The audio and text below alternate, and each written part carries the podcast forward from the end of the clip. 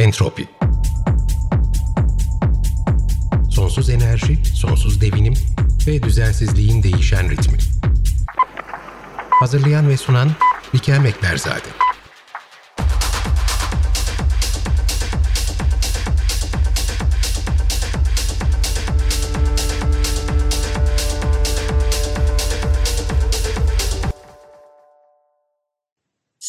Derya hoş geldin. Biz seninle şimdi az önce hesabını yapıyorduk programın öncesinde. Biz seninle nereden baksan e, bir 10 senedir tanışıyoruz. 10 seneye yakın. 2014'ten bu yana temastayız. Ama senin hikayen daha e, öncesine gidiyor. Sen aynı zamanda Açık Radyo'nun da tanıdığı seslerden birisisin. Derya Tolga ile beraberiz. Bugün Açık Radyo'da da Dünya Mirası Adalar programının hazırlayan ve sunan kişi. Şimdi Derya'cığım dediğim gibi biz seninle e, biraz geçmişimiz aslında çok çok eski olmasa da bir geçmişimiz var ve o, o dönemde de bayağı bir mücadelemiz var. Birlikte yürüttüğümüz ama ayrı saflarda ama ortak paydada birleşerek. Şimdi neden bahsediyorum ben? Hürriyet Apartmanı'ndan senin çocukluğunun geçtiği, babanın emeği olan harika bir apartman. Önünde böyle muhteşem kokulu mor salkımların Salkım. olduğu, onların böyle bahçesinin çitlerine böyle senelerdir öyle bir sarıldığı ki neredeyse kendiliğinden bir çit oluşturdukları. Benim her önünden geçtiğimde ki aynı aşağı yukarı aynı mahallenin çocuklarıyız. Benim her önünden geçtiğimde böyle içimde böyle bir şeylerin kıpır kıpır olduğu ve baharda özellikle o mor salkımlar açtığı zaman ve ortaya o muhteşem koku salgıladığı çok mutlu eden e, görüntüsüyle, şirin şirinliğiyle, güzelliğiyle harika bir apartmandı orası. Ve bu Fenerbahçe'nin, Kalamış'ın kendi tarzı artık çok da göremediğimiz kendi eski tarzındaki mimarisine de e, bayağı o mimarideki yapılardan birisiydi. Yani benim için özeldi. Eminim o mahallede yaşayan ve bu programı dinleyen herkes de hemen hemen aynı duyguları paylaşıyor. Sen çok kran kırana bir mücadele yürüttün. Bir müteahhit sizin binayı alıp tekrardan yapmak istedi. Gerçekten birçok şey oldu. Bu e, Hürriyet Apartmanı'nın sonu da maalesef İstanbul'da benzer mücadeleyi yürüten, apartmanlarını ranta kaptırmamak isteyen birçok kişinin çoğunlukla hezimetle sonuçlanan hikayelerinden birisi olarak yakın zamanda artık dava süreçlerinde tamamlanmasıyla birlikte rafa kalktı. Artık Hürriyet Apartmanı yok. Yani bir apartman var orada ama bizim bildiğimiz hafızalarımızda olan, hatıralarımızda olan Hürriyet Apartmanı artık yok.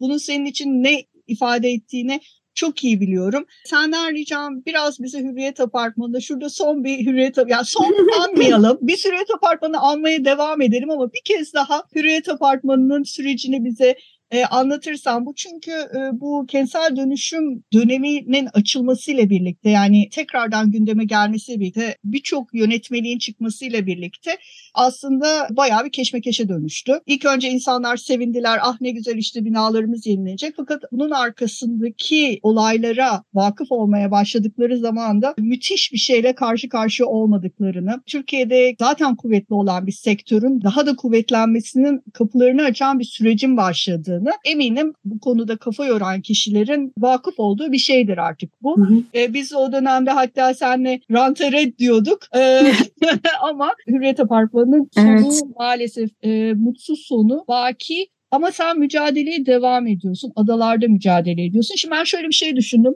Ee, sen de program öncesinde konuşuyorduk. Önce sen bize bir Hürriyet Apartmanı'nın sürecini bir anlat. Ondan sonra da adalarda ne oluyor kardeşim ne oluyor şu adalarda onu bir toparla çok sevindim çünkü ikisi birbiriyle bağlantılı. Söz senin mikrofon senin buyurunuz efendim. e, merhabalar seni tekrar görmek bir kere harika. Dayanışma günlerimizden beri ara ara görüşsek de tekrar burada beraber olmak çok güzel. Herkese de merhaba. Binlerce Hürriyet Apartmanı esasında yok oldu bu süreçte. Hürriyet Apartmanı 1957 yapımı son dönem Kalamış'ın evlerindendi. Zaten o yıkıldıktan sonra da sanırım bir tane Eyüboğlu'nun bir sanat merkezi olarak koruyabildiği evi kaldı. Onun dışında Bedri Rahmi Eyüboğlu. Evet. evet. Bedri evet. Rahmi Eyüboğlu ve mozaikleriyle evet. birlikte. başka hiçbir şey yok bildiğimiz. Ne ilkokulumuz, ne ortaokulumuz, ne arkadaşlarımızın evi hiçbir şey yok. Her şey yerle bir. Evet Tüm dur bir dakika ilkokul derken benim ilkokulum gitti ya. Yani Nurettin Teksan koskoca Nurettin Teksan Tabii. şimdi e, böyle e, o ayrı bahçe... bir case. Evet. Orada onu başka onu başka programda konuşalım. Ya şimdi böyle önünden geçiyorlar. E, ya belki insanlar şunu bile diyorlardır. Vay okula bak ne muhteşem ama biz onun bahçesinde top koşturuyorduk. Yani şimdi çocukların top koşturacak bir bahçeleri yok mesela Nurettin Teksan'da ama dediğin gibi o ayrı bir vaka.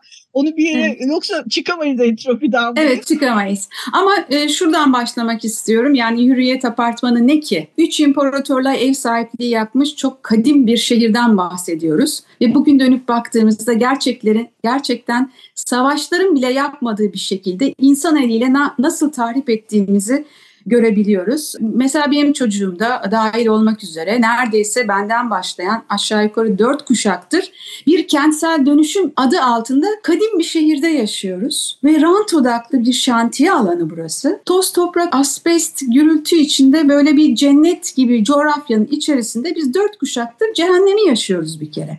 Yani bunu önce koyalım. Onun için Hürriyet Apartmanı bunun çok çok küçük bir örneği olacak. Evet bizim için de cennet gibi bir yer olan Kalamış mahallesi artık yok. Ben oraya artık Kalamamış ismini koydum. Çok iyi güzel sevdim bunu. Ben de öyle diyeceğim. öyle. E, ben hemen e, yıl 2012 kentsel dönüşüm yasası yani meşhur 6306 yılını çıktığı e, döneme dönüyorum.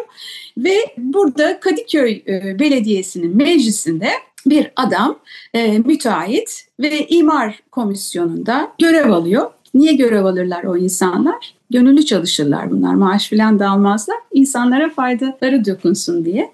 Ve e, bu kişi e, o bölgedeki enteresan bir planı görüyor. Ha, halkın hiç haberi yok. E, bir otel inşaatı yapılacak tam da bizim bölgemizde. Bu arada bizim bölgemiz Kalamış Yat Limanı'nın tam arkası. Deniz parselidir. Nedir deniz parseli? E, dört katlıdır. Kat izni yoktur. Metrekaresi bellidir. Yıkıldığında tekrar dört katlı olur. Hiçbir rantı yoktur yani. Hiçbir müteahhit ilgilenmez orayla. Lakin bu özel otel için bir günde bir değişiklik yapıyorlar. Bizim de parselin içine dahil olacağı deniz parselinden kara parseline çıkarıyor burası. Çıkarılmış yani kimsenin haberi yok. Bu amca bunu hemen kavrıyor bizim adaya geliyor, bir tur atıyor. En rantı fazla ev neresi? Ve tabii en az daireli bunlar böyle şeytani planlarla işliyor. Ve hop köşede çok az daireli, 8 daireli bir yeri bizi bulup kancaya atıyor. İçinde tabii annemin babamın eski e, arkadaşları yaşlı insanlar 80'li yaşlarında falan üst katta oturan birinden pat diye burayı hemen alıveriyor ve sırasıyla sonra diğer dairelere. Lakin bizim hiç haberimiz olmuyor. Tam onlar artık taşınmaya başlayıp ve bizim kapımızı müteahhit çalıncaya dek. En son bizimkini çalıyor. Bilmiyorum nedendir. Belki hayır diyeceğiniz önceden sezdiği için.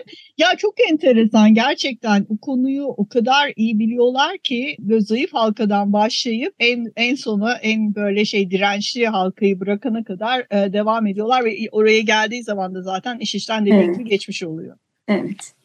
İşte orada bizim için korkunç günler başlıyor. Biz de diyoruz ki burası bizim aile yadigarımız, anne baba toprağımız. Biz burada yaşıyoruz. Evimiz çok güzel bu arada. Senin anlattığın gibi eski malzemelerle yapıldığı için gerçek yani hiçbir plastik malzeme, suni malzeme yok. Yüksek tavanlı yeşillikler içerisinde bir cennet gerçekten. Biz dedik e, satamıyoruz. Bize önceden sorup da sordunuz mu bu apartmana bu hamleyi nasıl gerçekleştirdiniz? Biz tamam satarız dedik mi de ki diğer e, kişilerden buraları alıyorsunuz? Yok tamam o şekilde kapılar kapandı gitti fakat arkasından bizim için kabus günler başladı. Bir anda e, evimiz 3-4 kez soyulmaya başladı. Arkasından muazzam mobbingler başladı. Üst katımız kendisine ait olduğu için e, bütün e, mesela musluklar kırılıp su akıtılmış fakat o kadar şeytani ki yapılan işler. Suyun aktığı yerin altına mesela tül perdeler konmuş ki ses duyulmasın ve böyle yayılsın yayılsın. Tabii betonarme bir bina olmadığı için burası yıma bir bina. Asla tavanlardan akmaz. Önce bütün aşağıya kadar akar akar günlerce akar sonra tavanlardan akar. Biz günlerce sonra bunları gördük, fotoğrafladık. Tabii davalar vesaireler daha henüz başlamamıştı ama bir e, böyle bunları arşivledim ben hepsini. Ve en sonunda da bir gün biz içinde yaşarken bütün bu mobbingden sonra evin üstünden işçiler, balyozlar ve inşaat malzemeleriyle yıkmaya başladılar. Çok iyi hatırlıyorum o, o dönemi. Sen hatta e, bilmiyorum belki e, olayın etkisinde e, çok e, iyi hatırlamazsın ama gerçekten sen kardeşin yani perişan durumdaydınız. Biz hatta şeyde Cadde Bostan'da tesadüfen onun sonrası için böyle bir telefon trafiği acayip yoğunsunuz. E, insanlara ulaşmaya çalışıyorsunuz. Ben de ona bir fiil şahit olmuştum. İnanamamıştım. Yani nasıl olur? Evet. İçinde insanların oturduğu bir apartmanda yıkım nasıl başlar? E, inanılmaz günlerdi gerçekten. Kusura bakma araya girdim. Çünkü benim yok, de hatıralarım yok. canlanıyor evet. sen anlattıkça. Gerçekten inanılmaz kelimesi çok ilginç. Çünkü anlatırken insanlar bir türlü inanamıyorlardı. Hani bunun olabileceğini o dönemler bilemiyorlar. Çünkü ana caddenin ortasında yani herkesin gözünün önünde Ellerinde hiçbir yıkım izni yok, hiçbir şey yok ve bu işi nasıl yapabiliyorlar? Kadıköy Belediyesi'nin içerisinde imar bölümünde bir kişi bunu nasıl yapabiliyor? Yani kimsenin aklı almıyor. Fakat sonuçta işte polis, zabıta vesaire geldi, durduruldu ıı, yıkım fakat üst katın bir kısmı gittiği için biz oradan artık yaşayamaz halde taşınmak zorunda kaldık. Ama evi öyle bir tuttuk ki hemen 2014'te mahkeme başladı. Yani biz orada mahkemeyi kazanacağız, edeceğiz, evimizde sağlam ve geri döneceğiz diye. O evi koruduk. Eşyalarımızın büyük kısmı orada kaldı. Bu şekilde yani ben bir e, taşınma gerçekleştim. O dönemde tabii mahkemeler sonunda işte İTÜ'den, İnşaat Fakültesinin dekanından, e, Japonya'da filan oralarda doktoralarını yapmış kişiler bu evin sağlam olduğunu çok cüzi bir şeyle güçlendirebileceğini raporlarını filan aldık. Yürütmeyi durdurma kararı aldık. Yani yapılacak her şeyi yaptık. Lakin hani gelinen noktada bir bu bir tsunami ve e, senin üstüne geliyor. Aynı süreçte benim iş yerim Orada da kiracıyım. Bütün bu süreç içerisinde ben sana rakam vermek istiyorum. Ee, bir yere not aldım bakayım. Sevinirim. 2003, 2013'ten 2017'ye kadar Toplam ben 7 kez kentsel dönüşümden dolayı taşınmak zorunda kalmış. Doğrudur. İş yeri ve ev. Çünkü ev yıkıldıktan yani ev yıkılmadı daha yani devam ediyor mahkeme süreci. Ben başka bir eve geçtim, kiraladım. O kentsel dönüşüme bir süre sonra geçti. Kirada olduğum e, şey e, dört kez bu sene içerisinde iş yerim yıkıldı. Ya gerçekten inanılır gibi değil ve sizi koruyan hiçbir sistem, hiçbir şey yok. Evet. Ee, ama tek bir şey var aslında. Tek bir şey var. O da e, birlik olmak. Gerçekten apartmanın içerisinde yani bu bir e, apartman neticesinde bir topluluk ve apartmanın içerisindeki daireler ortak hareket etmenin kendileri için en doğru şey olduğunu idrak ettikleri zaman aslında müteahhitlere karşı elleri inanılmaz güçleniyor. Çünkü burada oransal bir karşı tarafa geçme durumu söz konusu değil mi? Yani o oranı tutturamadığı zaman apartman içerisinde müteahhit evet bir şeyler alıyor orada bekliyor. Ya yani çok uzun süre mesela hep duyuyoruz bunları. Apartmanın içerisinden bir daire alıp uzun süreler evet. e, o apartmanın sürecinin gelmesini orayı inşa etmeyi bekleyen müteahhit şirketler var. Şimdi bu gerçekten... Yalnız ben senin neden? aynı fikirde değilim. Benim şahit olduğum süreçte hala bugün de komşular bir metrekare için hem müteahhitle hem birbirleriyle kaç senelik komşular kavga ediyorlar. Ha, bu neoliberalizm böyle vahşi bir şey. Herkesi içinde... Yok yok o da hiçbir şey söyleyemem. Yani insanların gerçekten olayı anlamaları açısından şu çok önemli bence. Tekrar altını çiziyorum çünkü şu anda gene bir müteahhitin ilgi alanında olan bir apartman söz konusu. Gene Kadıköy ilçesinde hmm. içerisinde Bağdat Cadde'ye çok yakın. Bizimle hiçbir alakası yok. Bir tanıdığımızın başından geçen bir süreç. Apartman sağlam bir apartman. Çok güzel bir apartman. Herkes yaşayan herkes dairesinden memnun ve birlik oldular der ya. Çok enteresan. Ha, ben, çok güzel. ben bunu e, olabilirliğini hep böyle hayal ediyordum ama ilk defa şahit oldum. Ve müteahhiti resmen dize getirdiler ve o kadar iyi bir teklif aldılar ki ilk gelen tekliften ziyade hala tereddütleri var ve apartmanlarını yıktırmak yerine acaba güçlendirmeye gitsek mi? Ya bu o kadar umut verici ki gerçekten yani insanların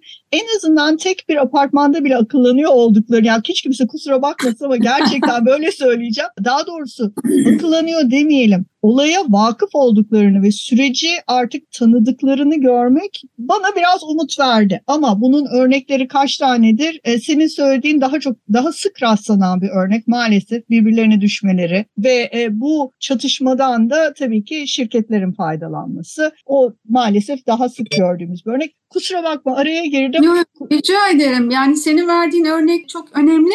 Yapılması gereken resmen o. Esasında oradaki insanlar evlerin hem ellerinden gitmesini hem de daha sağlıklı evlerde oturmak için kendileri taşeron bulmak zorundalar. Kendileri yaptırmak zorundalar. Kendileri müteahhitlere işveren olmak zorundalar. Bunu idrak ettikleri zaman evet nispeten bence olabilir ama e, ben evin e, hikayesini sonlandırayım. Yani el, ellerin elimizin ne kadar artık zayıfladığını ve haklarımızın nasıl ihlal edildiğini görmemiz açısından 2022 Nisan'ın ayına gelindiğinde Kadıköy Belediyesi evimizi açık arttırmaya çıkardı. Yerle bir oldu. Ben e, bu süreç içerisinde 7 senelik davada 3 dava açıldı. İkisini kazandım. Bir tanesi e, maddi manevi e, şeydi. Vermediler. Dava açılmadı dahi reddettiler. Yani manevi hiçbir şey görmediler o evi kaybetmemizde, ailenin yıkılmasında, dağılmasında.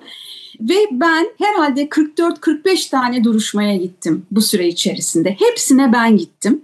Takip ettim ve sonunda o, o ev yıkıldı. Çünkü 6306'ya göre 1999'dan önce yapılan tüm evler ne yaparsan yap, ister sağlam rapor al, ister bilmem ne yıkılıyor. Bu kadar evet. basit. Bu Şimdi... yasa bunun için çıkarılmış durumda. Ve açık arttırmayla satıldı. Açık arttırma nedir? İnsanlar katılırlar değil mi? Belediyede bir tek o müteahhit geldi. Başka bir ikinci kişinin gelmesi yasal olarak mümkün dahi değil. Bunu kapatmış durumda. Ve sana tebliğ etmek zorunluluğu da öğrendim ki iki ay önce tebligat zorunluluğu da kalkmış. Tebliğ ediyorlar ama senin evine gelir mi gelmez mi? Postacı koydu da kedi mi aldı, rüzgar mı uçurdu? O tebligatı bilinmez. Ama bunun zorunluluğu da kalkmış durumda. Yani yasalar nasıl küçük insanların evlerine dahil çökmek üzerine devletin içerisine sızmış müteahhit çetesi tarafından organize edilmiş bu yani bunu gözden kaçırmamak lazım. Bu gerçeklikten sonra yapılacak planlar yapılmalı. Şimdi bir şey ekleyeceğim, araya gireceğim. Aslında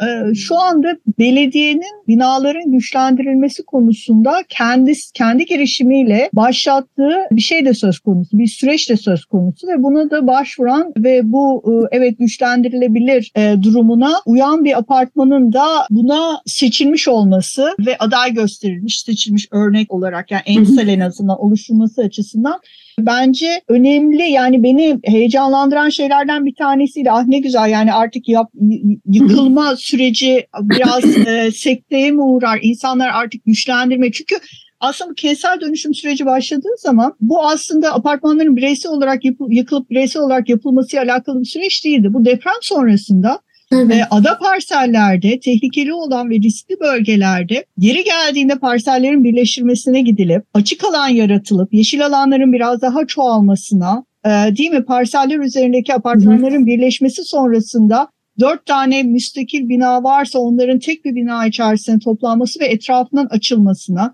binalar arasında aralık olmasına yani bütün bunlara e, yol açacak, tüm bunları sağlayacak aslında bir düzenlemeydi ama birden öyle bir şekil aldı ki bu e, senle de çok iyi takip ettik yönetmeliklerin içerisindeki boşluklar bazı şeylerin çok net açıklanmamış olması. Çünkü yasa netlik ister. Yani sen oraya gittiğin zaman değil mi noktasıyla virgülüyle ne yaptığını biliyor olması lazım.